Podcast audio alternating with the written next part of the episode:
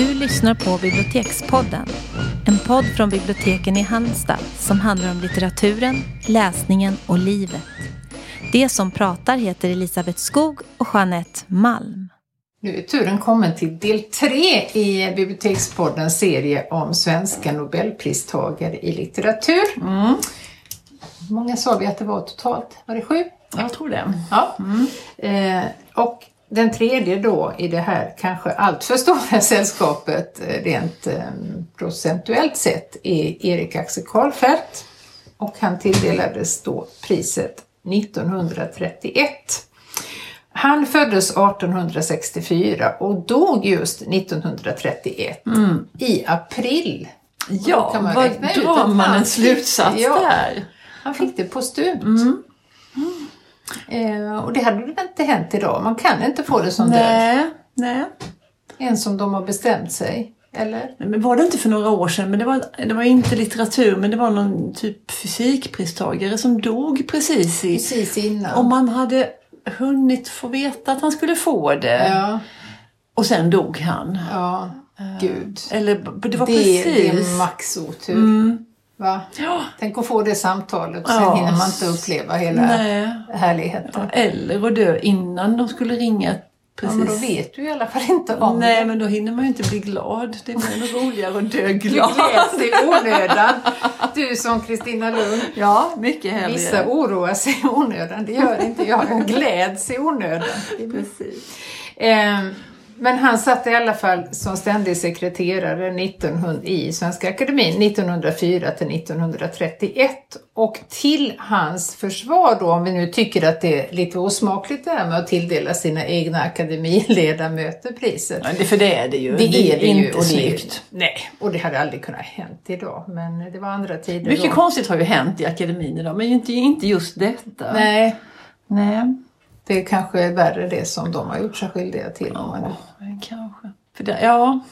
Det är olika saker. Mm. Men i alla fall så var han påtalad redan 1919 och då avböjde han Mm. med motivering att det var inte förenligt med hans ställning då i akademin. Och då Nej. blev Selma Lagerlöf jätteglad och skrev så en sån kar vi har som sekreterare som är så, ja, för det är ju ändå en väldigt stor... Rättrådig och... eh, Ja, det var, tyckte jag var väldigt snyggt och Ja. fint gjort.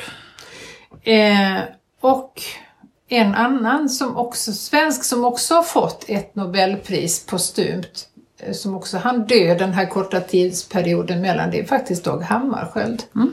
Som fick fredspriset. Och sen dog ju han i den här flygolyckan, där, tråkigt nog. Karlfeldt eh, hade i alla fall en uppväxt i Dalarna. Eh, Han räknas nog fortfarande som en liksom Dalapoet. Mm, han inte det det? tror Att, jag. Jo, men att hans arv är nog ganska starkt där i de krokarna. Eh, pappan var lantbrukare men när den här gården kom på obestånd så i då någon form av desperat panik så förväxlade, eller för, förfalskade han växlar som det hette Åh, på det här, nej, skuldväxlar. Eh, med släktingars namn och Aj, aj, för att aj. liksom rädda. Eh, och detta uppdagades såklart och Åh. han dömdes då till straffarbete och gården gick på auktion. Det var ledsamt. Jätteledsamt. Ja. Eh, och detta påverkade såklart eh, unge Erik Axel. Väldigt starkt får man tro. Och hans diktning har ju liksom väldigt mycket av det här bondsamhället i sig. Det är något sorgligt när folk gör så här kriminella saker som inte riktigt är... Nej. När de inte är... jag- Jag kommer tänka på Richard Ford. Det här är verkligen en liten avstickare. Men Ja. Richard Fords roman Kanada, kommer Ja. du ihåg den? Föräldrarna. För där gör också föräldrarna, de är inte alls hemma i de här Nej. kriminella Nej. gängen eller vet det här smartness eller Nej, har kontakter. inte, de är inte ämnade för det. Nej, jag kommer tänka på det när du berättade om Karlfeldts Mm. pappi där som... Ja. som Nej men man förstår sig. ju att han har sett en kortsiktig lösning Ja. som inte alls eh, var hållbar i längden. Men man kan ju drabbas av sådana. Verkligen. Se en möjlighet där det inte finns någon såklart. Eh, Men han fick ju i alla fall studera då sonen med hjälp, att det var otroligt fattigt men han fick då vissa sådana mecenater Ja, ja. eh, som man hade på den tiden och klarade sig ju bra. Slog igenom stort med, nej det gjorde han inte för han sålde inte alls bra, hans första diktsamling som heter Vildmarks och kärleksvisor. Men sen blev han ju desto mer med de här eh, Fridolin och andra. Men du, du som är i skönbranschen där, Ja. lyrikbranschen, hur är, ofta frågas det efter Karl Feldt? Nej men mycket sällan. Sen ska jag inte säga att det aldrig händer för det gör det ju.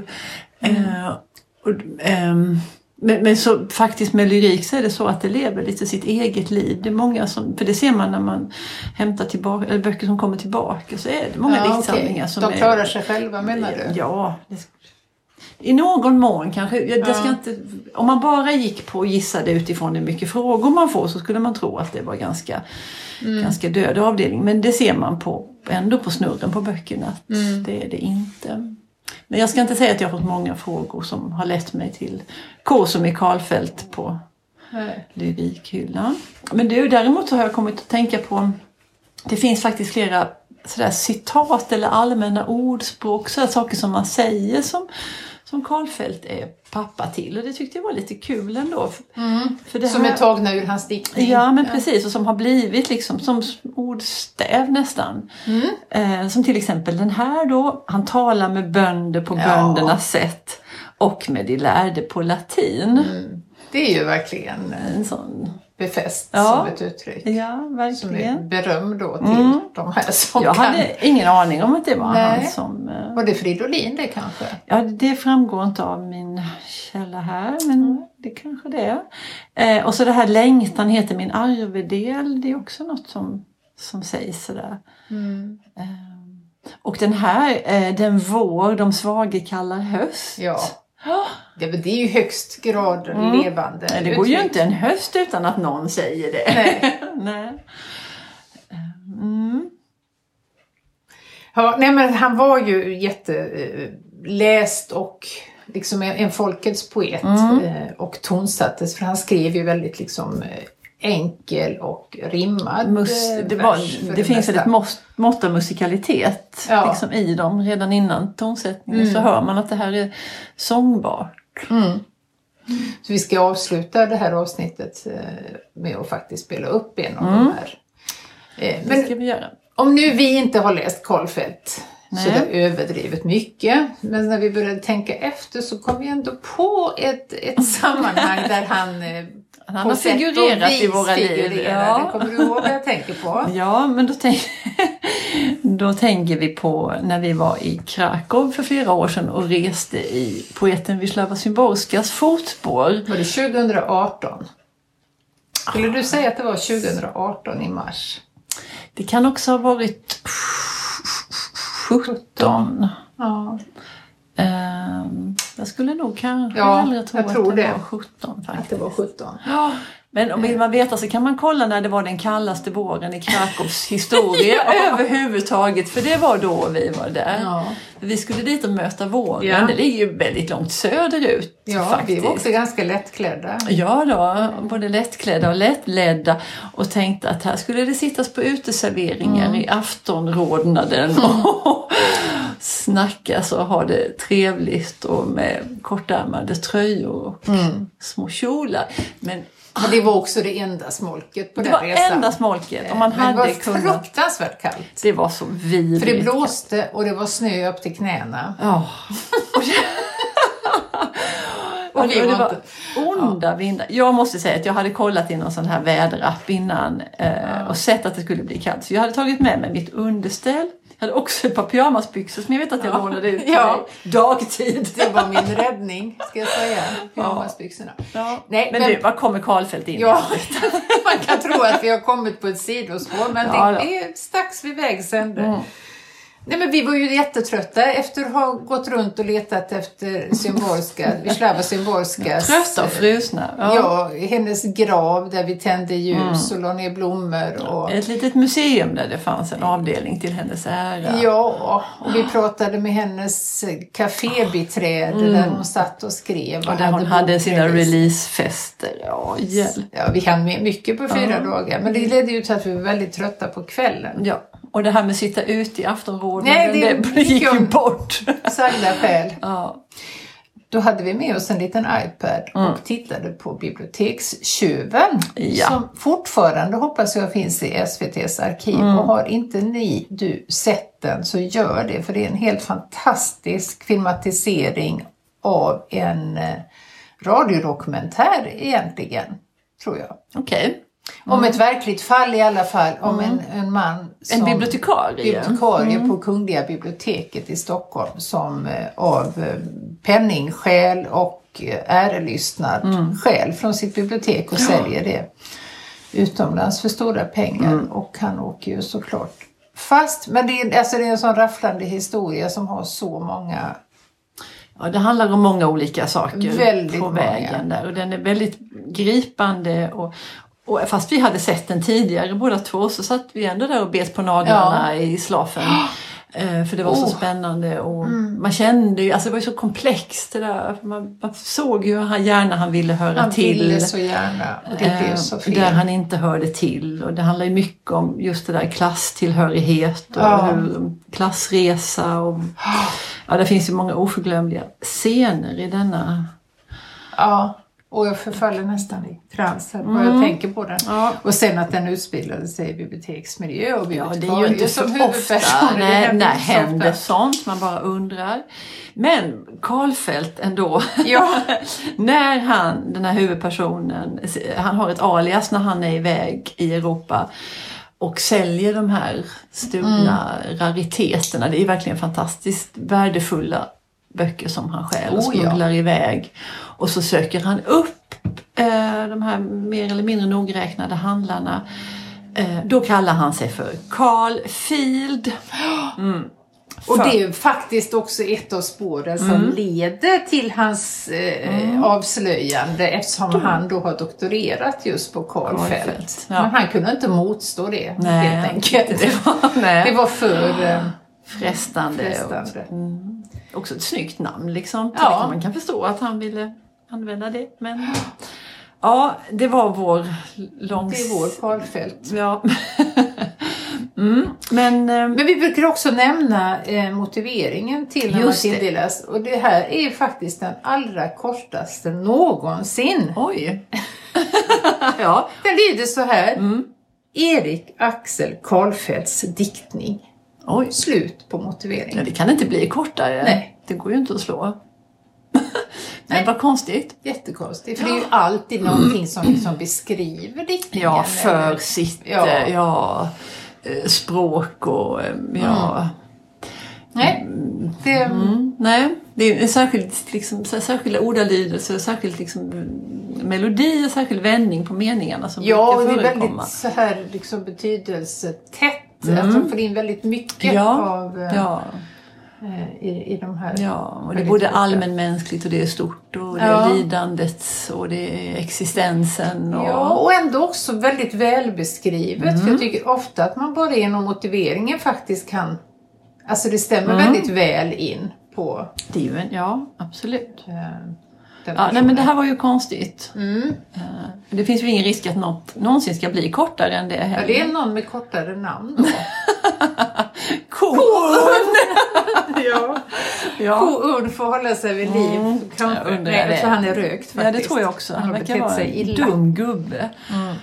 Ja, men du, vi ska också nämna några biografier ifall man vill läsa lite mer, ha lite mer kött på benen än vad man har fått i det här poddavsnittet. Så kommer här ett axplock, för det fanns jättemycket skrivet Ja, om jag honom. gjorde det. Såklart. Men det senaste som vi har kunnat luska fram dags till dags dato, det är Stina Otterbergs bok med den härliga titeln Älska, dricka, sjunga, leva, dö. Mm.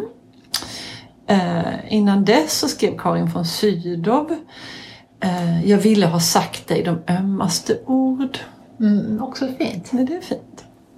Eh, Karl Ivar Hildeman skrev eh, biografin med det korta, kärnfulla, lite humoristiskt klingande En löskekar. Mm. Och undrar ni vad löskekar är så kan ni ta reda på det. Ja, vi tänker inte ge oss in i några Nej, vi, inga definitioner här. Jag tror löskekarlarnas tid är över faktiskt.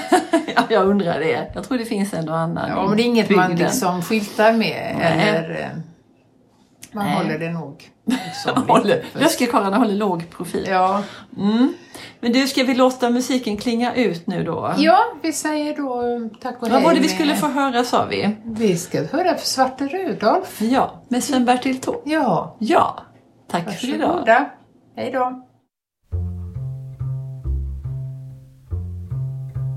Se svarte Rudolf han dansar han böjer sin nacke och ler.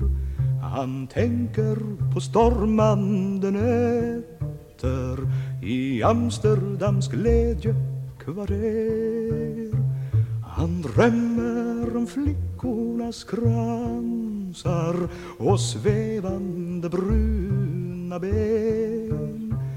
På stranden av blåa slätter vid Samoa-månens sken.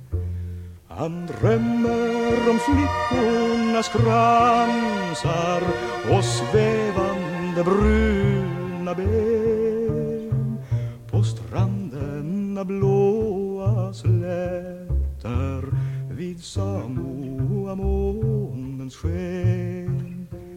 Han böjer sin nacke och blundar i flygande roslagsvals så höll han i smäktande lundar sin arm kring chilenskans hals.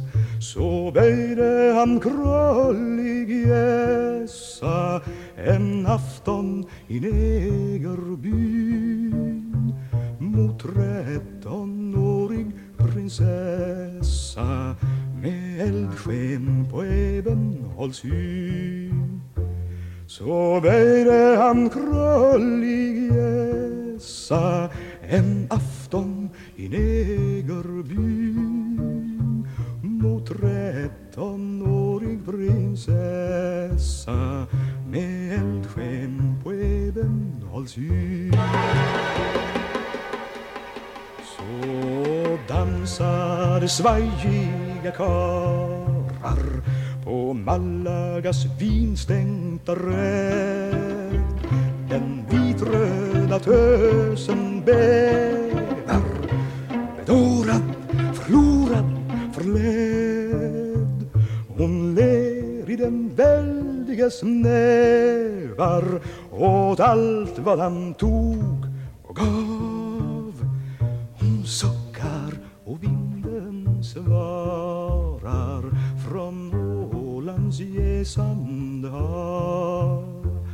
Hon ler i den väldiges nävar åt allt vad han tog och gav. Hon suckar och vinden svarar från Ålands jäsande.